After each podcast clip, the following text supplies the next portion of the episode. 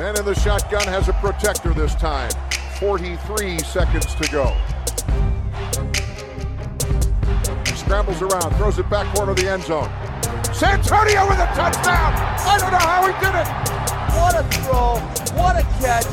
What a game! So Mike 43, call 57. That suffocate him.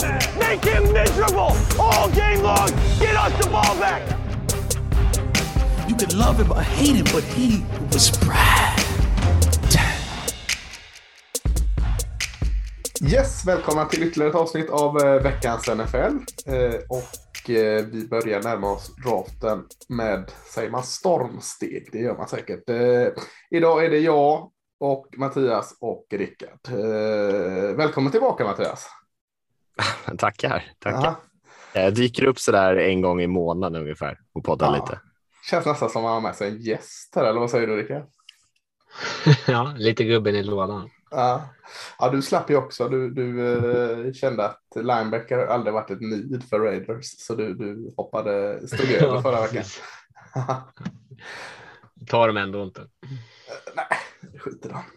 Eh, nej, men det var skönt. Jag fick, jag fick prata av mig lite där, så nu, nu känner jag mig, nu, nu har jag en bra skjuts inne i det här veckans avsnitt när vi ska prata om den lilla eh, QB-positionen. Den, den, är inte lika viktig som linebacker, vet ju alla. Eh, vad, eh, vad tänker vi, vi eh, er så är det inte så jättemycket som händer just nu, men det är ju en, eh, en liten snackis som poppar ut här. Vi spelar in på torsdag, för övrigt en vecka ifrån draft, men, men Debo Samuel, receiven i San Francisco 49ers, har väl gått ut och sagt att han vill bli borttradad. Var det så Mattias? Ja, så, så är det ju. Och, eh, sen, eh, det, han är väl lite missnöjd där kanske med hur eh, förhandlingarna har gått eller rättare sagt vad diskussionerna har gått där med laget och så där och vilken roll han har haft har det pratats om också. Han är ju lite av en hybridspelare. Mm. Så vi får se lite grann vad som händer om de lyckas lösa det och få honom att bli nöjd eller om det faktiskt blir någon typ av trade. Mm. Jag såg Rickard att du skrev där att eh, Samuel och Shanahan är en ganska bra match, match made in heaven. Vad, vad tänker du spontant om eh, detta? Alltså jag förstår, jag tänker ju att Debo vill liksom få en annan roll för att han ska slippa ta så mycket stryk. Men det som gör honom bra och unik är ju att han kan göra allt det där. Ehm, så och jag vet inte riktigt, han, Shanahan är ju väldigt duktig på att få ut mycket av den här typen av spelare. Så jag vet inte om han är lika bra i ett annat lag i roll bara som wide receiver. Nej, jag tänkte det. Alltså, eh, för, för om man skulle sätta honom som en, en uh, utsider-receiver, visst han kommer väl vara bra att att bidra med den rollen också, men känns det inte som man kanske försvinner bort lite då det som är Debo Samuel? Eh, det är inte bara att sätta han där och tänka att det blir Jamar Chase av det. Ja. Nej. Det är ganska, hö- ganska hög standard i och för sig. Ja, men om man nu ska bli, vill bli betald som, som eh, Ja, topp fem receivers så är det väl den standarden man, man får kolla på då. Och framförallt då om man är missnöjd med, med den rollen han spelar. Eh, det kunde man ta samma fråga då om Taysom Hill här, om vad, vad han nu ska hamna i sitt nya lag eh, med sin nya roll. Liksom. Det är väl också en sån, sätter man honom som en bara en klassisk utsidoreceiver så kanske det inte blir liksom det man betalar för. Tyreek Hill menar du nu va? Ja, vad sa jag? Ja, bra. Taysom Hill. Ja, nej. Alltså, Det är jävligt sexigt. Jag kan Ja. tänka mig hur det går om Taysom Hill spelar utsidor och receiver bara. Jag Ja. Ja, det blir tufft. Det blir tufft. Eh, vad fan, vad hette han, Der, eh, vad hette han, cornerbacken i år som var så jäkla långsam eh, från, från eh, Georgia där. Eh, Kendrick eh, någonting. just det, Kendrick. Darian Kendrick Mm. där. De, de, laget som draftar honom kan ju liksom köra han mot Taysom Hill då i den matchen i alla fall. Då kan, det- kan, det- bli bra, bra match. Kan det bli en den- utmaning? Skjuts på den sidan. Ja, nej, men vi, vi får se vad som händer där. Ja, vi, vi har ju Ja. Ja, nej, jag tänkte bara att vi har ju en, ett par, om nu eh, Debo Samuel blir flyttad till ett annat lag så har vi ju ett par sådana här spelare. Du var inne på Tyreek Hill där som går liksom från kanske den perfekta situationen till en till en helt annan, lite tuffare situation. Vi hade Vante Adams som går från en nästan till perfekt situation i Packers där de hade sån bra kemi med Rodgers. Debo Samuel som kanske då lämnar det här 49ers systemet där han har haft den här speciella rollen och gjort det jättebra. Och vi har även Russell Wilson som har spelat en ganska begränsad QB-roll i Seahawks ändå och så kan du förväntas spela, ta en större ansvar när han kommer till Broncos. Det är många sådana här spelare som går från situationer där de har varit framgångsrika mm. till eh, ja, en lite annan roll i ett annat lag och eh, vi får väl se lite grann. Det är inte alltid att spelarna hittar 100% rätt och nu får vi se. Samuel kanske inte ens flyttar på sig i slutändan, men visst har han en ganska bra situation med Shanahan, det håller jag med om och svårt att hitta någonting där han liksom kommer vara ännu mer produktiv än vad han var förra säsongen. Om han nu blir tradad. Ja, det skulle vara det scenariot då att han går in och tar Hills roll i Chiefs då, som, som skulle vara eh, mm. möjligheten att få leka med Mahomes där som, som kanske skulle liksom eh, vara det ultimata. Då. Men, men med det spåret, vad, vilka lag tänker vi kan vara intresserade eller intresserade är nog många, men så kan man börja pynta lite. Packers viskar om lite där, men, men eh, vad, vad tänker du Rickard? Ja, alltså både Packers och Chiefs har ju liksom draftkapital för att kunna trada till sig och, och var ju villiga att betala sina spelare i det mm. liksom ganska stora kontrakt. Så vet jag inte exakt vad Debo kräver. Eh, Jets ju, har ju ryktats till varenda wide receiver i stort sett, så ja, det är väl också ett lag. Ja, se, hamnar Houston Texans. mm.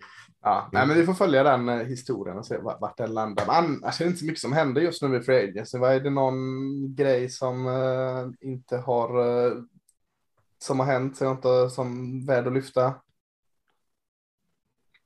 Det pratade ni om uh, Derek Cars kontrakt förra veckan, kanske ni gjorde? Det så Nej, gammal? det gjorde vi inte. Det, Rickard var inte med förra veckan så han kunde liksom inte liksom, peta på oss och nämna detta. Så, så ja, prata om det. Det var ganska liksom, snällt åt alla håll, höll jag på att säga. Bra för alla kontrakt.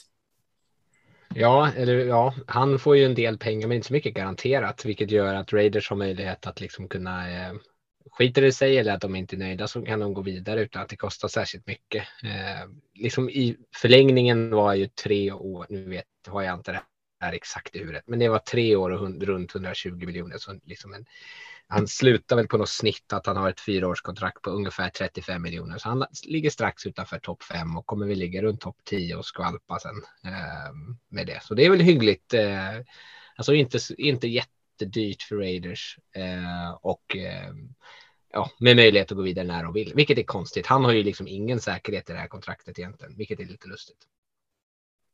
Ja, äh, Känns lite som hans karriär att de liksom inte riktigt, Raiders inte riktigt där bestämmer sig för att han är 100 procent deras lösning utan. Men det är ju konstigt. Jag, jag förstår ju Raiders. två år i taget. Jag förstår ja. ju Raiders perspektiv. Jag förstår inte hans, alltså att han tycker att det är okej. Okay. så såg ju inte alls förra kontraktet ut.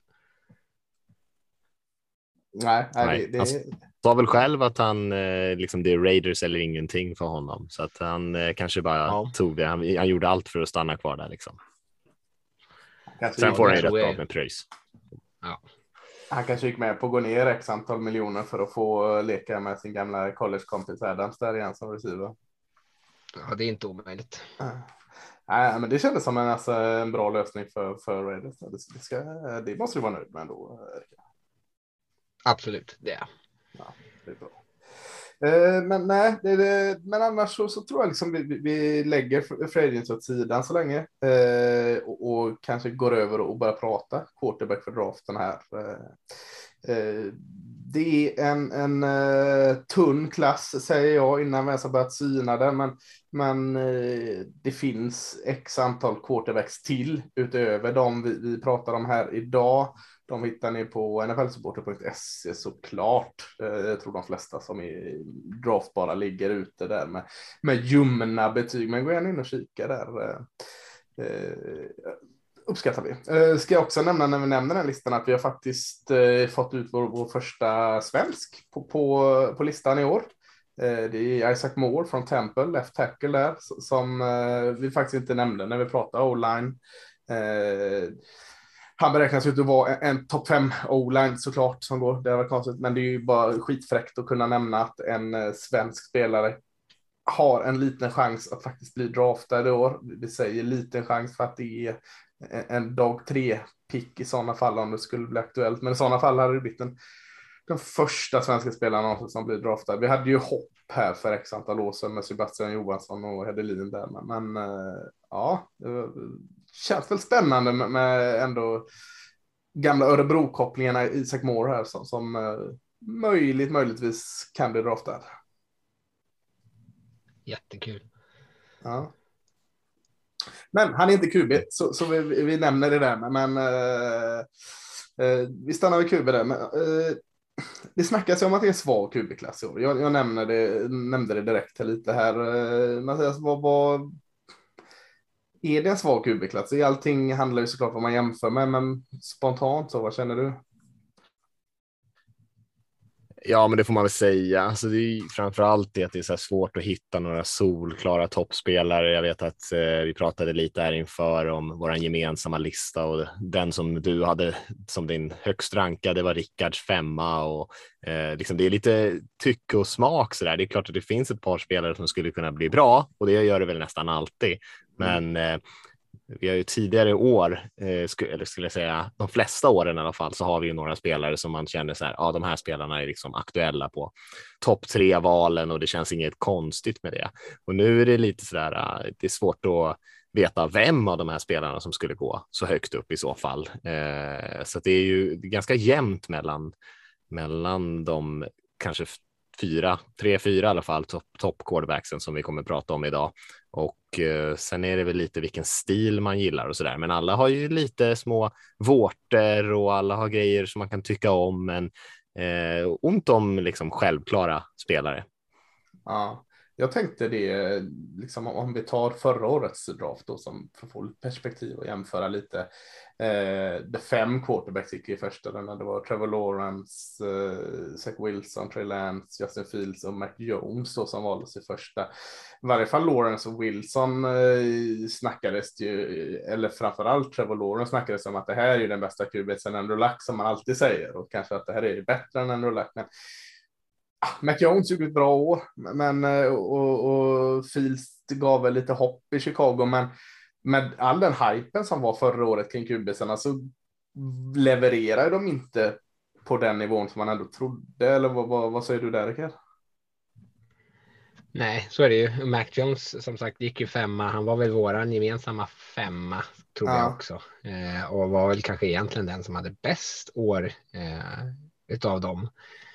Och ja, jag, han är väl, jag skulle, säga, jag skulle klumpa ihop han i gruppen av de här som Mattias nämner, eh, kanske tre stycken. Som, ja, mina topp tre eh, skulle jag säga är, ligger ungefär där jag hade Mac Jones förra året. Ja, och, men det säger ju så här, det säger någonting om att det ändå finns hopp om den här klassen.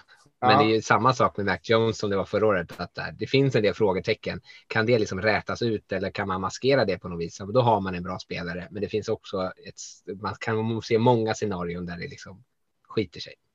Ja, nej, men jag håller med. Men, men, för jag tänker det om vi då ska, liksom, ska putta in de här kubisarna i stallet i år här då i, i förra årets draft. Hade du, håller du med det Mattias, att det hade varit svårt liksom att ja, de, de kanske konkurrerar med, med Jones då, vad vi visste innan. Eh, eller hade du haft någon, till exempel topp tre av, av dem som, som pratar om här?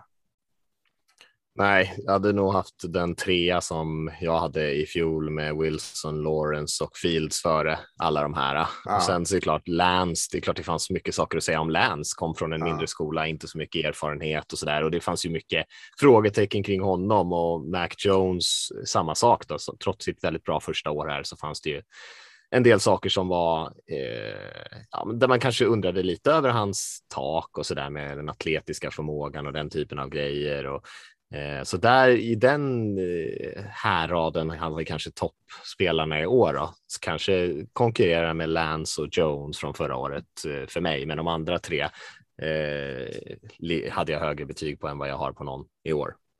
Mm, nej, jag, jag, jag, håller med i båda där. Tråkigt nog håller jag med i båda där. Det var roligare om jag hade satt någon som nummer ett i år, men eh, så mycket kan jag inte ljuga.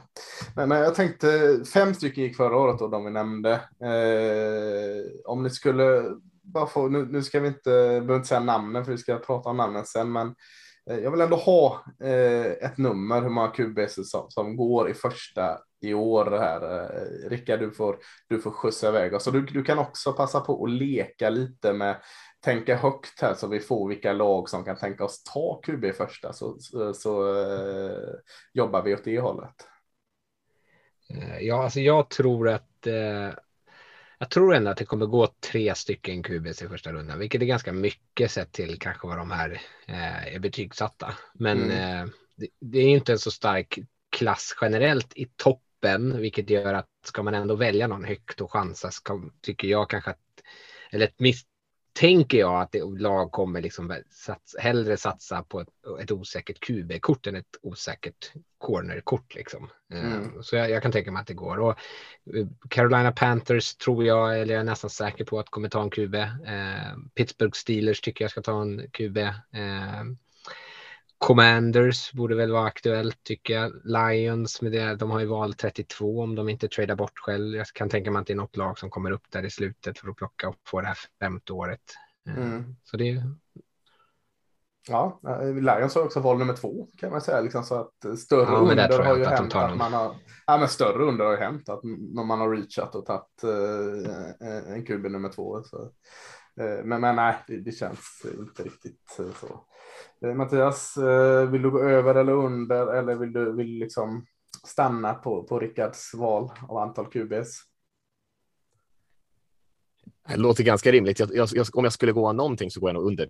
Ja. Tror jag. jag. tror inte det blir fler, fler än tre, snarare färre i så fall. Och jag tror ja. inte heller att det går någon QB så där speciellt tidigt. Jag har svårt att se att Lions skulle välja någon där tidigt och Eh, några lag har ju faktiskt flera val som ni var inne på och kanske tradar ner eller kommer upp från andra eller något sånt där. Så jag tror att det kan dröja lite innan vi får vår första QB av brädet ändå, just för att det finns ändå ganska mycket eh, imponerande spelare just i toppen och sen kanske det börjar bli lite jämnare även på de andra positionerna.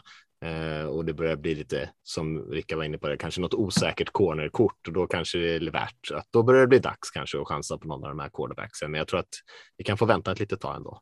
Mm, Rickard sa inte Seahawks när han sa lag som vill ha QB, men. Eh, Nej, eh, hörde det. Men vi har Gino Smith. Ja, ni har Gino Smith, ja. Det, det, eh, och ni har Lock.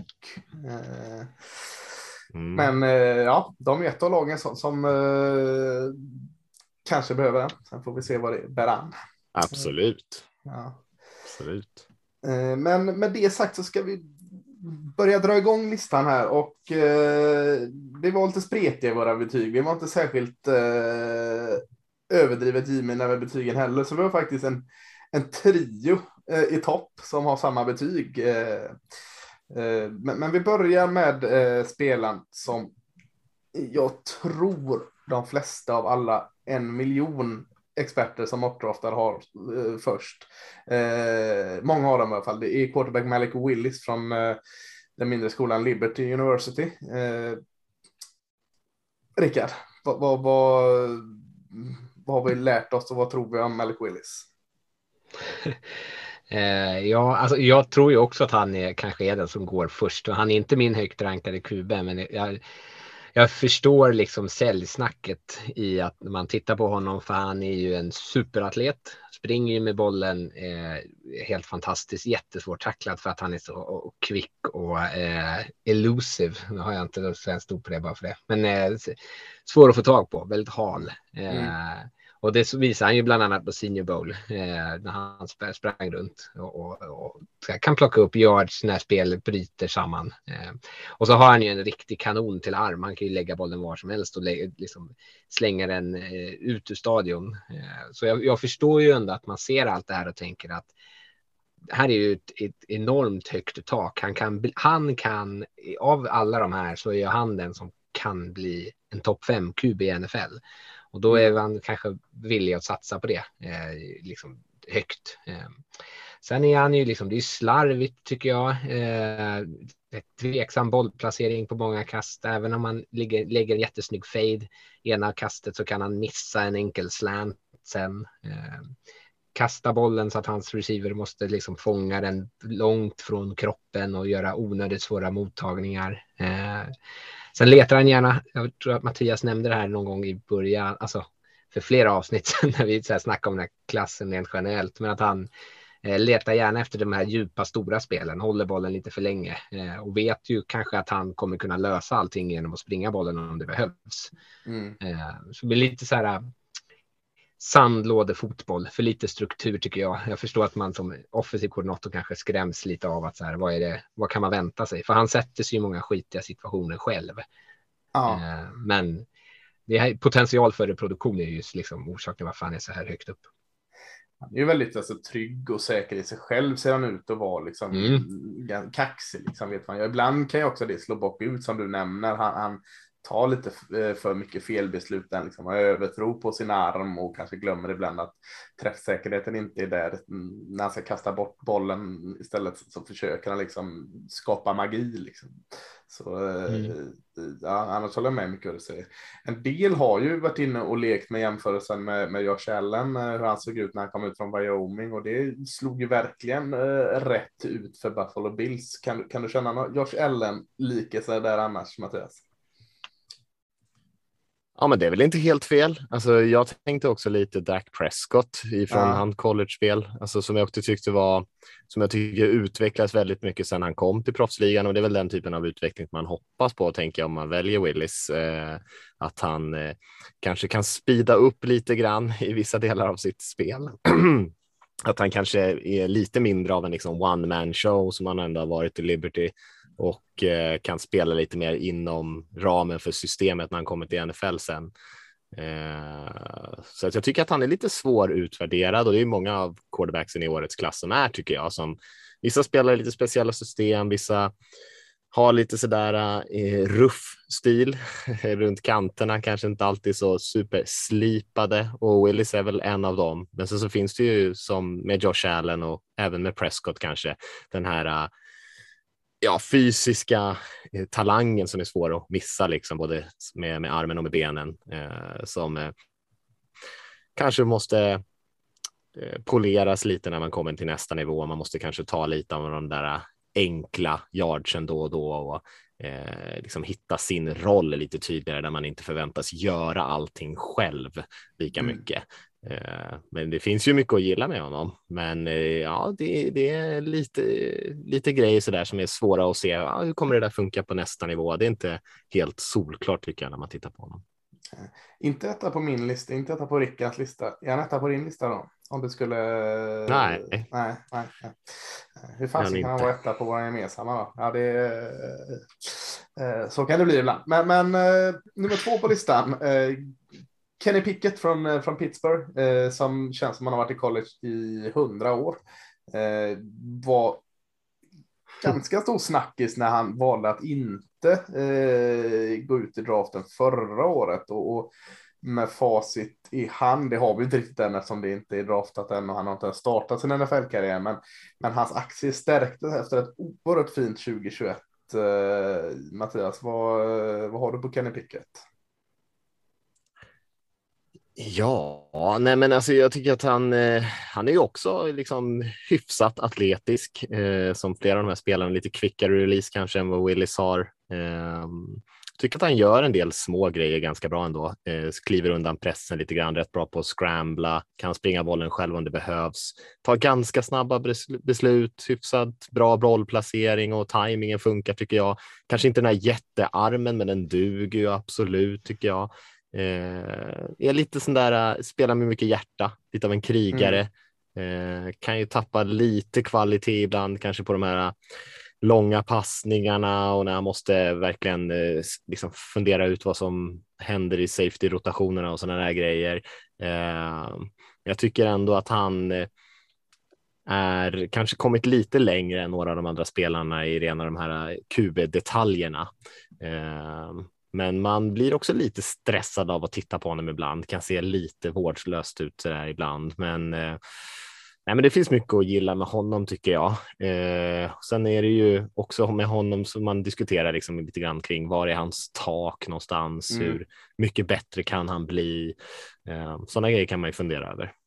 Ja, jag tänkte också liksom, ganska högt golv, men eh, liksom, spontant känns det som att det är ganska lågt tak också. Men eh, det kan, behöver inte betyda att det är så. Eh, Ja, men jag, jag håller med mycket av det du säger. Eh, tycker också han, hans liksom, eh, han är ju inte den där atletiska typen, men eh, jag tycker han har ändå bra fotarbete och, och eh, liksom känns ganska liksom medveten och dansar ut sina sex och när han älgar iväg liksom som spring så är det ju effektivt så att eh, inte superatleten liksom eh, med hala eh, rörelser och fina höfter men har vad som krävs och fötterna är ju med honom så, så att eh, det tycker jag är en liten underskattad del av honom. Picket etta på din lista Rickard, va? Ja, han är delad etta på Ja. min lista. Eh, Ja, alltså jag, jag tänk, satt så här och försökte tänka på allting som gör honom dålig nu för att eh, ni har lyft så många positiva saker. Men- Men eh, jag, när jag såg honom först så tänkte jag, jag han påminner mig väldigt mycket om Ryan Tannehill tyckte jag, som är lite så här ganska atletisk men inte så superatletisk. Lite så här konservativ med var han lägger bollarna. Eh, Ja. Och sen har jag lyssnat på Mel Kiper som jämför honom med Derek Carr och så satt jag så här, fan Carr? Och så satt jag och försökte fundera ut, så bara, vad är det för något som man kan hitta då? Ja, men han är ganska bra pre-snap, ganska eh, klok som spelare ändå. Eh, han är rädd för fickan. Ja, det har ju Carr också kritiserats för. för Pickett står ju, om man kollar på Pickett, det är nästan larvigt för han står liksom bakom fickan. Han kliver aldrig upp i den. Han står liksom längst, längst bak där. Så han ser ju spöken när han kliver upp i den. Ja, och det är ju Ja. det som Carr har fått skit för. Han vill inte kasta till tajt markerade spelare. Han vill helst vänta på en öppen spelare. Ja, det har Carr egentligen också problem med. Eh, och, och, och sen, ja, eh, små händer har ju Pickett. Det måste vi ändå det, nämna. Så han har ju, så han har ju en del, och det kan jag säga så här överdrivet, men han har ju en del fumbles. Ja. Det har Derek Carr också. Eh, så sen får man säga, göra vad man vill med det. Både Ryan Tannehill och Derek Carr är ju ett startande QBs i NFL och ligger väl där runt eh, över medelmåttet kanske. Eh, och det är väl det man förväntar sig med Pickett. Och Det är ju inte helt dumt att ta i första rundan kanske, men jag förstår om man inte är så sugen på att ta honom topp 10 ändå. Nej, men det var intressant. Snygg liksom. Dra pilar emellan och liksom fylla i Mhm. boxarna där. Ja, ja intressant. Eh, QB3. Jag skulle ändå säga att Tannehill är nog ändå, Tannehill är väl ändå snäppet bättre atlet än Pickett ändå, eller är han inte det? Det är lite, ganska snällt mot Pickett att säga att han är nästan i Ja, Tannehills lite. atletiska. Alltså där Tannehill är nu då kanske. Ja, kanske det då. Men Han har blivit lite äldre här, Tannehill. Men han var ju en bra, väldigt bra atlet när han kom ut, tänker jag, Tannehill. Det är för att du alltid älskar det där. Ja. Ja, jag, jag gillar Tannehill lite grann. Ja. Eh, eh, Sätt ett frågetecken på atletiska förmågorna då, men, men annars så eh, tycker jag en, en tyst applåd tycker jag för sin, för sina jämförelser. Tack. Tack. Ja, eh, Eh, sista kuben som är nummer ett här då är, från Old Miss, det är Matt Corell. Eh, och, han är jag väldigt, väldigt glad i, därför ligger han som delar detta för att jag swishade upp mina betyg på honom. Eh, högt, högt rekryterad från high school till Ohio State. Där fick han inte chansen, flyttade till Old Miss och Lane Kiffin och eh, mognade väldigt och blommade ut och, och, och blev en ledare för dem egentligen två senaste åren.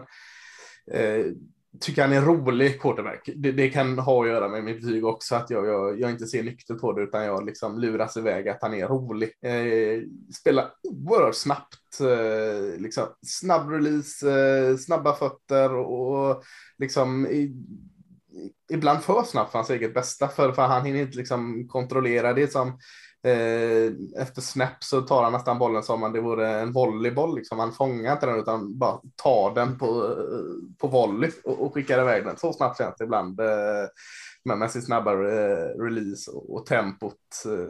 Och det är ju därför jag gillar honom. Han, han jobbar så snabbt genom med alla eh, bitar av hans spel och, och ibland på gott och ibland på ont. För, för det går ju både för snabbt för honom och hans medspelare ibland när han jobbar på det sättet. Men det känns ändå liksom ganska roligt och, och jag tycker han sticker ut från de andra quarterbacksen med just det spelet. Eh, eh, sen är det så här, alltså tajmingen måste han hitta, måste få bättre fotarbete och eh, eh, men, men han, även han är atletisk, explosiv eh, med fötterna i spring och, och jag tycker han läser snyggt liksom vad han kan ta med, med fötterna när han behöver och Eh, inte alls rädd för liksom, det fysiska spelet i spring. Eh, kanske lite dum ibland när, när han liksom sänker eh, axlarna och, och, går in i kontakt. Så kan han ju inte hålla på i NFL för då, då blir han.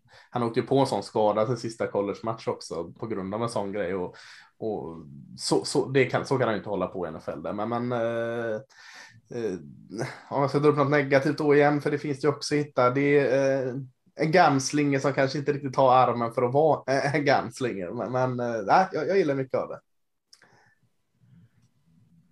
Mattias, du är... Vad är du? Vad står du i, i, i Team Corell? Ja, jag gör honom faktiskt lite lägre mm. än, eh, än eh, några av de andra spelarna här. Nej, men jag, jag, förstår vad du säger och jag menar, han är ju lite frenetisk skrev jag till och med för att han eh, har det här tempot som du säger och eh, han är ju bra på att få ut bollen fort. Han har ju en väldigt, väldigt snabb liten release och trots att han kanske inte har den här största storleken alla gånger och det går rätt fort och den där kvicka lilla snärten så den tycker jag. Så det är väldigt positiva med det. Sen är det väl, han har ju spelat i ett system som också förväntar sig att han ska egentligen bara göra en read kanske och kasta bollen. Eh, mycket eh, RPOs, mycket play action spel och sånt där och det gör ju att han kanske inte sätts på prov så mycket av att läsa försvar så himla mycket eller har inte gjort det i alla fall i Ole Miss. Så, eh, när han inte har sin första read där och han ska liksom improvisera så ser det lite stabbigare ut tycker jag och det kan säkert bli en del interceptions och sånt framöver här. Som du säger, hans gunslinger mentalitet och när han tar ner bollen och scramblar och ska springa den själv så kan det väl ibland se ut. Han är ganska bra på det, men eh, ja, mycket, mycket hjärta, men kanske inte så mycket hjärna alla gånger där och få lite smällar. Eh, tycker att man kan lita. Han har ju inte samma riktigt stil som Baker Mayfield, men just spelstilen är ju rätt lik. Eh, ja, Mayfield har inte den här kvicka releasen. Han är ju snarare en ganska långsam release, men eh, annars är de ju rätt lika tycker jag sådär. Mayfield är också väldigt bra när han har flyt och rytm och sånt där. Eh, och när det inte finns där, då kan det bli att han försöker göra lite för mycket och så blir det lite misstag och sånt där. Och det kan man ju se från Corell tycker jag. Ja, Rickard, du är ännu lägre än Mattias på Corell va? Ja, han är min femma. Eh, och det är väl det här, alltså jag håller med om allt som ni säger och det är väl snarare eh, hur oroad man är över att han ska gå från det här eh, RPO-systemet till ett kanske lite mer NFL-anpassat anfall. Eh, ja. Jag tänker mig så här, de problemen som Tua har haft i, i Miami eh, kommer ju Corral också ha. Och Tua spelar ju ändå i ett snarlikt system som det som Corral kommer ifrån. Så han skulle behöva hamna i en snarlik situation som det. Mm. Eh, här, bara små, små korta passningar snabbt, snabbt, snabbt, snabbt, snabbt. För då är han bra. Men det är inte alltid så jävla lätt att spela den typen av anfall i NFL och man måste göra mer än bara det. Nej, det är sant. Eh, jag tänker tacksamt för offensiv linje. Då har en sån som Matt Corell. Man behöver inte passblocka särskilt länge. Eh, kan ha, vem, var, vem var det som alltid var så dålig? Var det Eric Flowers när han var Giants? Eh, bedrövlig tackle, men försökte alltid försvara. När man kollar här, han har inte tillåtit en säck. Nej, men det var för att Eli släppte bollen direkt för att han var så rädd och blev sänkt. Så ja, någon, någon offensiv linje kan få fin sån här PFF-statistik eh, på grund av Matt Corell möjligtvis. Mm. Ja, eh, Matt Corell, QB nummer tre. Nummer fyra på vår lista är Sam Howell från eh, North Carolina. Eh, vad, vad har vi på Sam Howell, Rickard? Ja, alltså jag måste ju med så här ångest börja prata om Sam Howell mest för att jag hade honom som min etta inför hela, eh, när jag hade kollat på en del och sen så, så här på Senior Bowl och så på Combine så känns det som att det bara blev sämre och sämre. Allt som jag trodde så här, ja, han kommer bevisa på alla de andra grejerna att han är bättre än vad, än vad alla säger. Så han snarare inte bevisat det, tyvärr. Eh, men han är ganska svår för han så här eh, 2020 då hade han ett bra lag runt sig och då spelade han själv bra. 2021 nu senaste säsongen, då tappar han sin bästa wide receiver. Han tappar, tappar en del offensiva linjespelare. Han tappar två stycken dominanta running backs mm. och han var tvungen att liksom axla hela anfallet. Och då var det kanske lite för mycket begärt av honom. Dels för att han inte var där, eh, men också för att han kanske sett sin roll som egentligen inte speciellt bra. Alltså det är inte så bra för hans utveckling, för de, typ, han springer massa kub, designade QB-spel hela tiden. Inte hela tiden, mm. men alldeles för ofta. Eh, för att de inte har så mycket annat. Eh, så han är ganska svår. Eh, och han, på sätt och vis är det ju likt lite det som Matt Corral har. Också ett ganska enkelt system, mycket eh, RPOs, eh, small reads och eh, så här, om du inte hittar något så spring. Så gjorde han ju det också. Ehm, och han, men till skillnad från då Corral så skulle jag säga att han är mycket starkare i kroppen så att han klarar det på ett annat sätt. Eh, och sen så tycker jag att han har finare arm rent generellt. Eh, inte samma kvicka release, men en bra arm, har en fin djup boll när han lägger bollen där.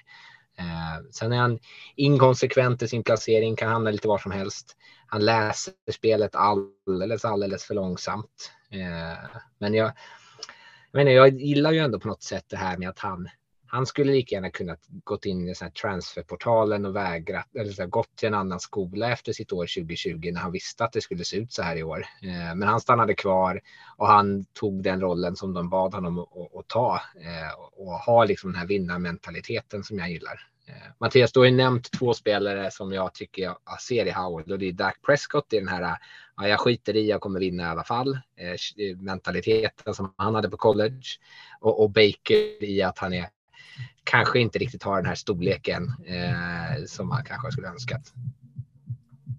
Nu satte grannen igång värsta partyt här utanför.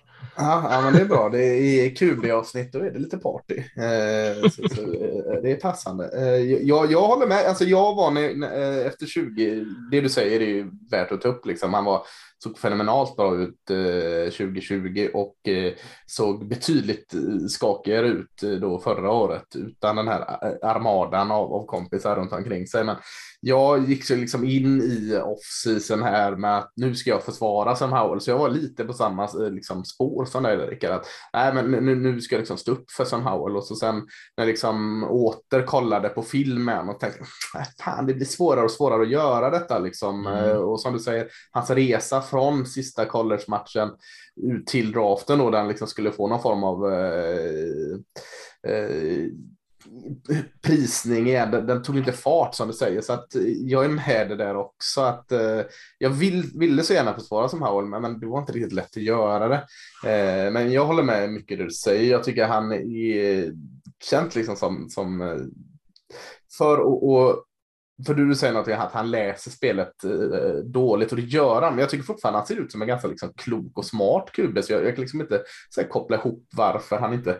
För han, han har också jättesvårt att plocka upp blitzen och, och, och sätta sig i en stressig situation där han kanske får chansa och, och, och likt Dak Prescott ta lite sådana chansbeslut. Så att men jag kan liksom inte ändå se att han är en dum QB. Han känns liksom, han har, jag älskar, de körde mycket QB draw till exempel. Den, den eh, var oerhört fin timing på. Och, eh, bra precision och touch i bollen och allt sådant. Träffbilden är bra, eh, jättefina slants och allt sådant. Så att, ja, jag är med i, i stort sett allt du säger Rickard och Eh, jag hade velat vara lite mer hög på Sam Howell än vad var. Han är fyra på min lista. Eh, Mattias, du får då vara, vara eh, liksom skiljenämnden här och, och, säga så här är det om Sam Howell.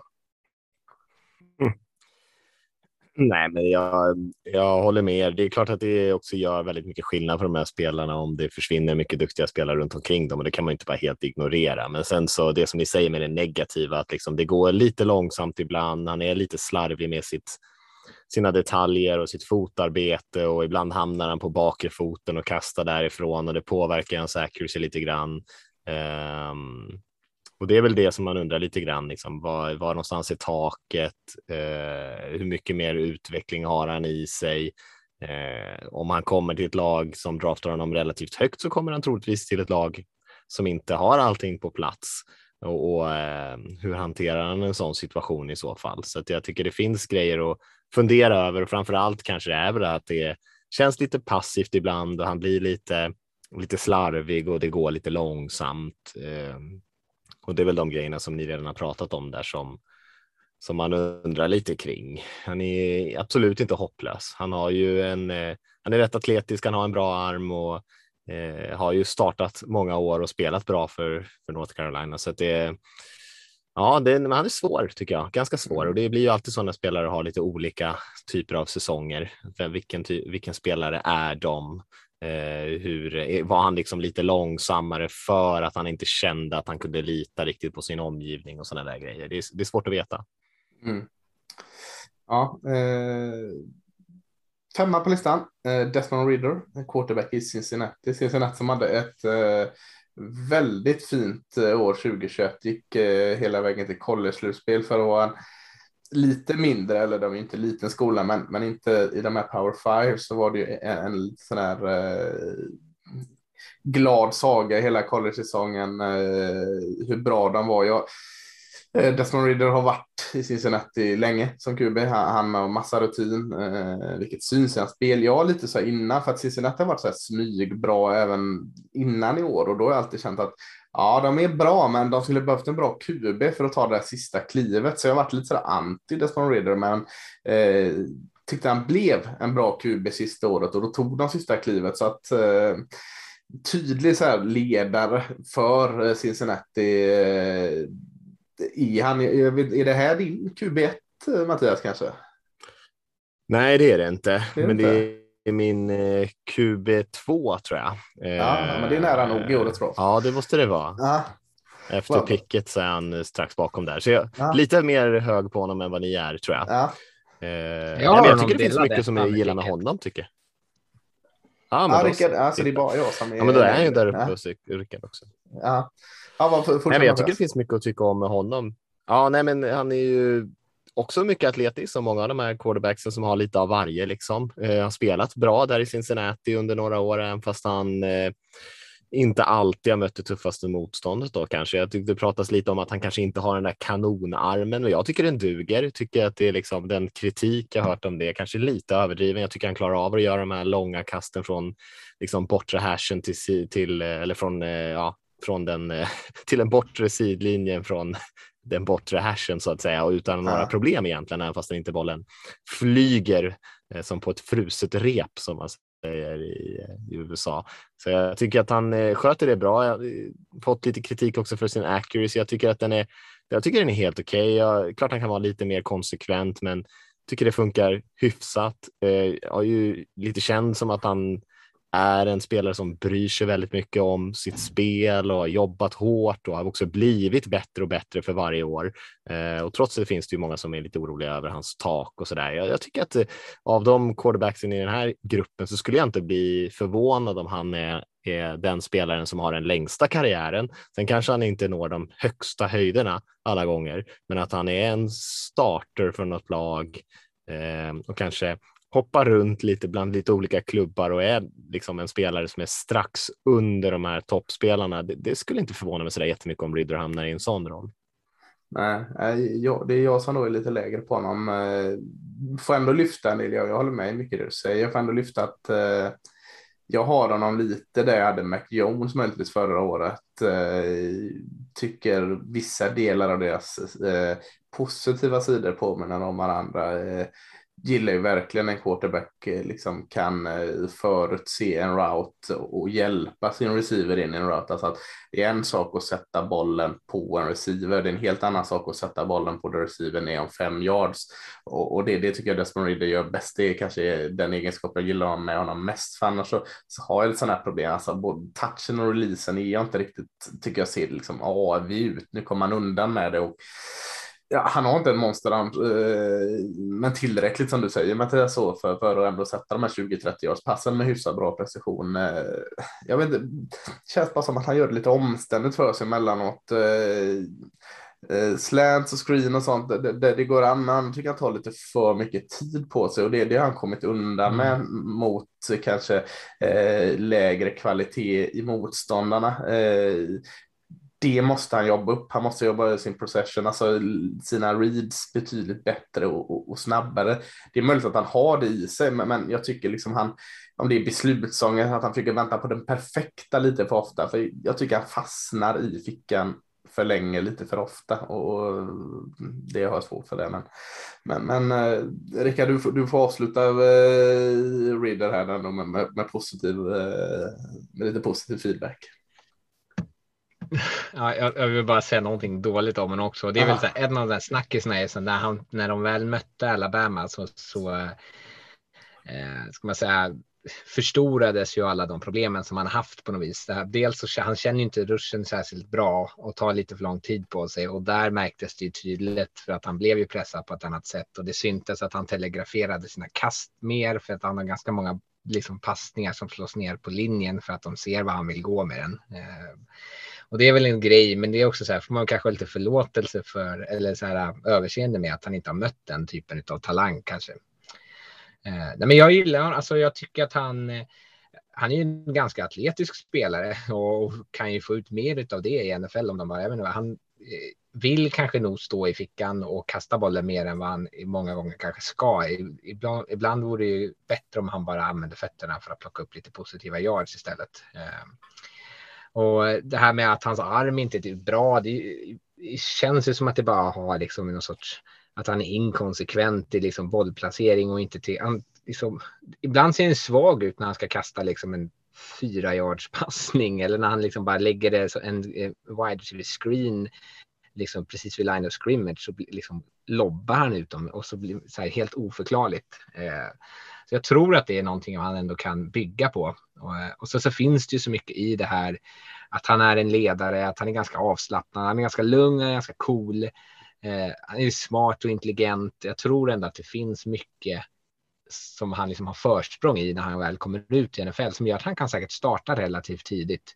Eh, och jag tror lite som Mattias att han kanske inte har det högsta taket, men eh, han har nog också en ganska lätt, inte lätt väg, men en, en hyfs, liksom förhållandevis lätt mm. väg att bli en starter i NFL. Ja. Eh, ja, spännande. Men då, då har vi en topp fem-lista här. En uh, Malik Willis från Liberty, Kenny Pickett från Pittsburgh och Matt Corral från Old Miss får dela på första platsen. Sam Howell från North Carolina, fjärdeplatsen och eh, Desmond Ridder från uh, Cincinnati då femma på den här listan. Utanför de här fem så känns det väl liksom svårare att hitta hitta den där möjliga starten. Jag har ju varit lite sådär smygglad i Carson Strong här i Nevada. Eh, mest för jag tycker han har så oerhört fin teknik i sin kast. Liksom. Han ser så skön ut att kolla på. Men där var det också som din resa med eh, Sam Howell. Så fort jag fick se en liksom i Pro Bowl och Senior Bowl och allting så sa nej, jag, jag, kan liksom inte fortsätta liksom vara ambassadör för Carson Strong längre för det hans brister syntes lite tydligare där. Men, men vad, är det någon, har du någon annan QB ni vill lyfta liksom eh, som, eh, som ändå känns värd att nämna vid namn? Har du någon Rickard? Eh, Bailey Zappi från Western Kentucky kan vi nämna mest för att han slog en massa rekord. Men ja. eh, om han kommer bli, jag menar, eh, han är en jättebra backup eh, som kanske kan starta då och då. Han, han påminner mycket om Gardner Minshew med kanske lite ja. bättre arm. Eh, men alltså, jag tror inte att han kommer bli en, en bra starter, men han kommer säkert kunna vara en, en jättebra backup i många år. Kändes som en av de bättre kubisarna på Senior faktiskt. Där, därför stärkte han till, mm. liksom, eh, sin aktie lite i alla fall. Det var inte bara det här eh, att han spelade i, i enkla Western Kentucky utan han, han gjorde i alla fall inte bort sig på Senior Bowl. Så, eh, Absolut inte. Spännande backup om man nu kan liksom ta det i samma mening. Spännande och backup. Men, men vi, vi hör det där. Mattias, har du någon eh, du känner här liksom som ja, men Siox kanske ska chansa på honom här i runda 4-5 och så har vi en, en framtida QB. Nej, det har jag nog faktiskt inte, inte utöver dem ni har nämnt. Jag tyckte också att Carson Strong känns, eh, kändes hyfsat intressant. Eh, han har ju sin skadehistorik där också som ja. du inte nämnde, men annars Nej, eh, så är väl den som spelaren som jag tycker har liksom potential kanske att ändå kunna bli en starter just för att han har en del av de fysiska grejerna, en riktig liksom bössa till arm och så där. Ja. Eh, men nej, jag har nog ingen annan som jag känner så här, nej, värd att eh, lyfta upp just nu. Nej. Det var väl Strong som satte igång den här kasttävlingen på Combine också. För jag för mig han stod det är så jävla skönt att tugga på sitt tuggummi. Eh, och så sen nickar han till Chris Olave så här bara, ja men spring. och sen så backade han bak och så la han liksom en 65 yards passning. Eh, och sen så började, skulle ju alla, var ju alla tvungna att liksom haka på av alla QBs. Men det säger, jag gillar det självförtroendet då, att han bara, nej men jag, jag tänker kasta den så långt jag kan. Eh, och så la han en jättefin boll dessutom. En, skön. Ja, ja men det är, det är bra liksom att ha med den skjutsen in i draften. Eh, absolut, men, men eh, ja, det, eh, det känns som han ändå inte är på samma nivå riktigt som de vi hade i vår topp fem-lista där trots allt. Trots att jag ändå Nej. petat förbi honom förbi eh, Desmond Ridder i, i min lista. Eh, hade han ju etta tidigt i min process här, så jag kunde liksom inte slänga ner han helt i botten direkt, så han får ändå ligga kvar på en femte plats. hos mig. Eh, Ja, men eh, hade vi några frågor, Rickard? Du, du, hade, du hade eh, varit duktig och, och, och- bett om några sådana. Ska, ska vi kolla på dem? Ja, det kan vi göra. Mm. Den, ena, den första är ju, eller två av dem är framförallt QB-relaterade. Den första Mm. är ju mest så här, vem, vilken QB borde gå först och var? Nu var vi lite inne på det kanske, men om, ni, om, man vill, om någon av er, eller om båda ni nu måste säga vilken QB går först och vilket lag väljer den QBn först då? Jag tror ju att eh, Malik Willis är den som går först och eh, ja, vilka är det som väljer det? honom? Ja, men vi säger tråkigt svar Carolina Panthers där. Mm. Mattias? Mm, jag, tror inte, jag tror inte att det går en QB riktigt så tidigt ändå. Jag skulle kunna tänka mig att Seahawks på nummer 9 alternativt kanske Texans nere på 13 skulle kunna vara intresserad av. Kanske Pickett, kanske Willis, eh, men någon av de två tror jag är det som går först, men inte supertid. Någonstans i mitten på draften skulle jag tro att den första går. Vad känner du Rickard? Jag är nog mer inne på ditt spår. Jag har svårt att se Panthers välja något annat än en QB. Så det, Ja. det är om de tradar ner och tar en senare. Men eh, nej, jag har svårt att se att de inte gör det. Sen, Nej. de måste ju ta någon, tänker jag. Ja. Ja, eh, nästa var väl lite mer eh, eh, specifikt om draften. Liksom, är det liksom olika typer av college? Jag ska försöka formulera mig på ett smidigt sätt. Här. Men är det, så här, är det de flesta spelare som draftas kommer ju eh, kommer det liksom från olika typer av college? Är det stor skillnad på eh, de divisionerna och kanske prat, om vi ska prata QBs då specifikt då, eh, liksom var, varifrån kommer alla de här QBsarna? Är det liksom tydligt att att man måste spela i högsta divisionen på college för att bli draftad högt? Ja, det. Nej, men det är ju inte det. Det är ju en av många tjusningar med college här att eh, det räcker inte att att- att- att, vara ett bra lag och komma undan med det. Utan, eh, plus att scoutingen har blivit så bra nu så att eh, jag menar, vi hade Lance förra året från en division 2-skola. Vi pratar Malik Willis här högt från Liberty som är en relativt liten skola trots att de är i division 1. Vad hade vi mer? Eh, Carson Wentz gick ju jättehögt från, från en division 2-skola och allt sådant. Så att, eh, alltså, det, det kommer ju mer bra QBs från, från bra program. Så, så är det ju såklart. Det, det gäller ju alla positioner och eh, konstigt hade varit annat. Men, men det är inte helt uppåt väggarna att det, det, det går QBs högt från, från mindre program. Nej. Men det känns ändå som att QB just är väl nästan mer variation. Ja, nej, men alltså QB är nästan mer variation än många av de andra positionerna känns det som. Alltså defensiva linjespelare är klart, de flockas liksom till Alabama och Mm. eh, Georgia och vad det nu kan vara liksom. Eh, Och corners också, de här som är liksom där man kan se den atletiska förmågan i rekryteringsprocessen från high school typ. Eh, quarterbacks känns som att det är större variation på och de kanske också får lite mer att göra i några av de här mindre programmen och kan Mm. stå ut lite mer i de här topplagen. Kanske springer bollen ganska mycket. Eh, man har så mycket duktiga atleter på receiver och running back positionerna så att det kanske blir ganska mycket korta pass och låta atleterna skapa liksom så att eh, man får kanske lite, lite mer möjligheter att glänsa på eh, skolor som inte är den där toppen toppen. Så jag tycker just QB är det nästan mer variation än många andra positioner. Vi har ju ett par här då. Vi nämnde ju Bailey Zappi från Western Kentucky och Malik Willis från Liberty. Och vi har ju Dustin Crum från Kent State eh, som i brist på annat så måste man ju lyfta lite QB. Han lyfts. Vi har E.J. Perry från Ivy League-skolan Brown. Eh, så, så du har nämnt lite Kelly Bellaby från Western Michigan. Så att, eh, I de här topp 15-listorna QB så är det ganska många små skolor man hittar där. Mm. Ja, då fick vi svar på det. tar vi Mm. nästa. Eh, jag har inte sagt vilka frågorna är ifrån. Ja, det här är från Kim Elofsson i alla fall. Eh, och han är lite nyfiken på eh, HBCU, alltså eh, Historically Black eh, Colleges and Universities, eller vad står det för? Eh, det Det lät, bra. lät rimligt. De två första Ja, i alla fall. ja, precis, ja. här, traditionellt, eh, skolor som är traditionellt eh, förknippade med afroamerikanska liksom, eh, ett elevunderlag på något vänster. Eh, och det har ju snackats ganska mycket om det nu. De hade ju sin egen combine eh, bland annat, eh, eller inte kanske, nej men Pro Day i alla fall. Och det har ju lyfts lite på NFL Network och så. Eh, och då undrar han om det finns, eh, alltså hur högt rankas spelare från de här typen av skolorna som ofta är mycket mindre skolor. Eh, och vad finns det för, eller han har läst att det finns en del spännande spelare. Är det någon som vi tänker oss som känns spännande? Ja, nej men eh, cornerbacks har vi Joshua Williams från Fayetteville State har väl fått en del hype in i den här draftsnacken.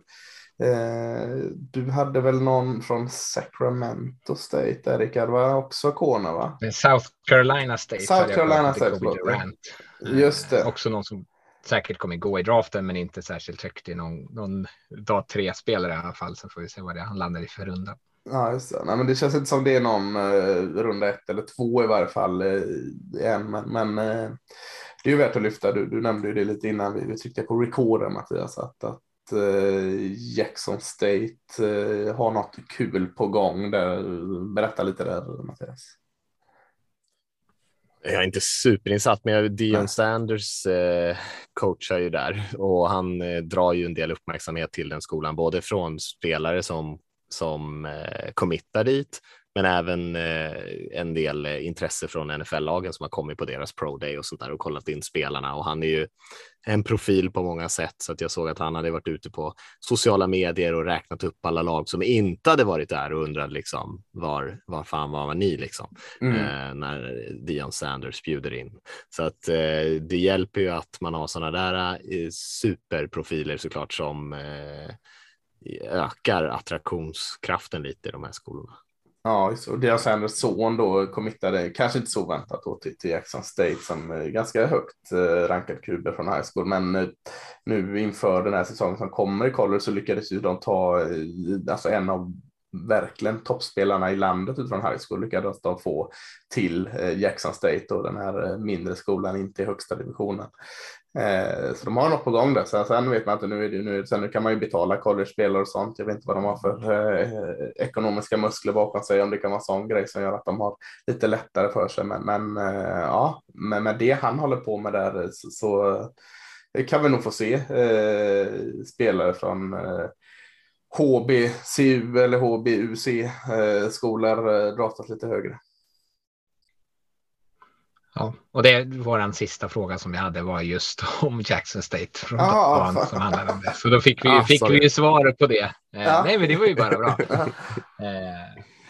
Ja, det är väl så här, det svåra är väl med små skolor att, att får man jättemånga bra spelare till Jackson State till exempel så var, de kommer ju fortfarande inte möta särskilt bra skolor. Eller alltså det kommer ju, kommer ju aldrig bli ett powerhouse. Det är liksom mer än, alltså det blir en, vad heter det? Eh, stor fisk i en liten damm på något vis. Eh, liksom om en skola skulle kunna locka till sig. Annars måste det bli att hela liksom, skolor inom flera eller som samma division på något sätt lyfter för att divisionen ska lyfta i anseende och där, därav matcherna.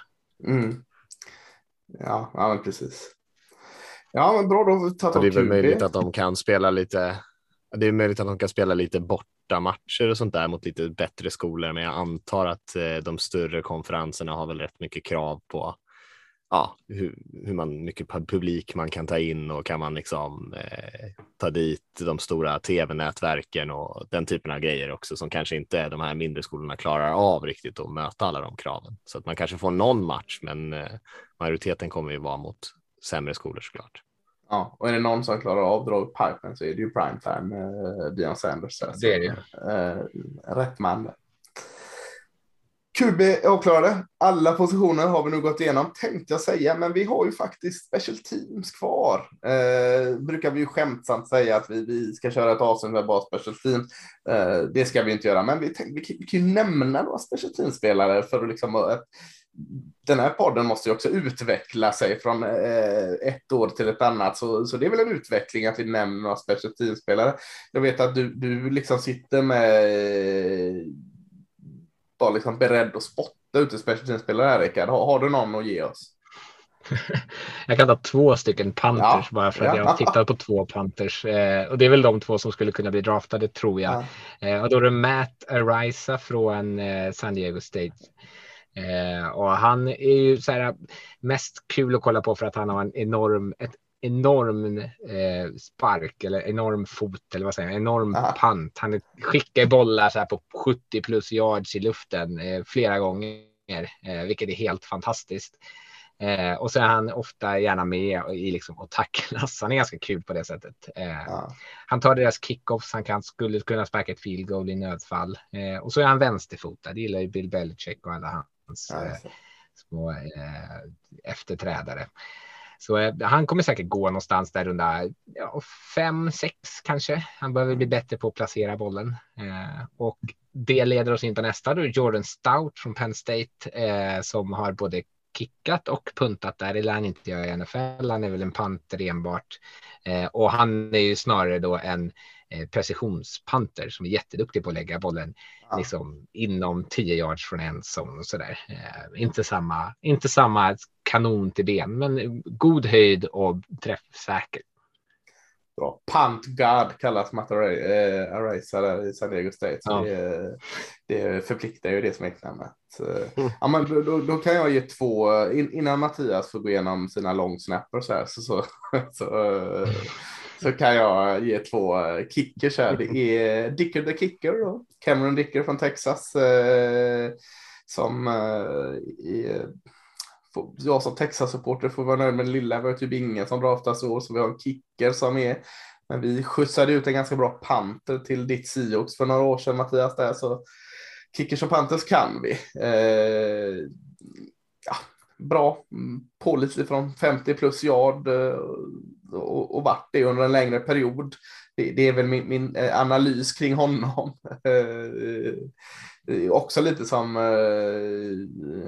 Arisa där att han kan, han kan trycka till lite i tacklingen också när det behövs. Där, så, det, eh, så det är bra. Men, men min favoritkicker, min favorit, nej Arisa är nog min favorit special team, men, men kicker i år är, är Cade York från LSU. Eh, hade väl någon, någon eh, ganska kul nil-deal där, alltså någon, eh, nu när de kan tjäna pengar på sponsoravtal.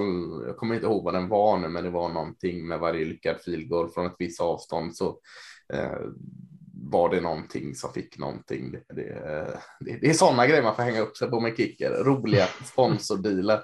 Eh, men eh, väldigt lugn och fin. Han hade väldigt, tror han hade snittat på runt 85 procent, lyckades field goal. Det, det brukar väl vara ett, ett bra kvitto. Jag tror han hade upp nästan 80 procent från plus 50 yards också. Så att eh, eh, nej, men där har vi två, två kickers, två panter så, så slipper du om du inte nödvändigtvis vill Mattias dra några long snappers. Nej, jag googlade bästa long snappers i NFL-draften här lite fort här. Men, Ja, du kände eh, pressen? Jag, jag, jag, ska inte, jag ska inte fejka något. Nej, nej, men då, då, eh, då, vi måste ju kunna ha något till Ja, nästa man, borde, ju- man borde ju nörda in sig på long snappers ändå. Det är ändå en Ja. cool position. Ja. Nej, men vi måste ju ha någonting så vi kan liksom ta nästa steg nästa år vi ska prata draft. Så då, eh, då sparar vi det till det tycker jag.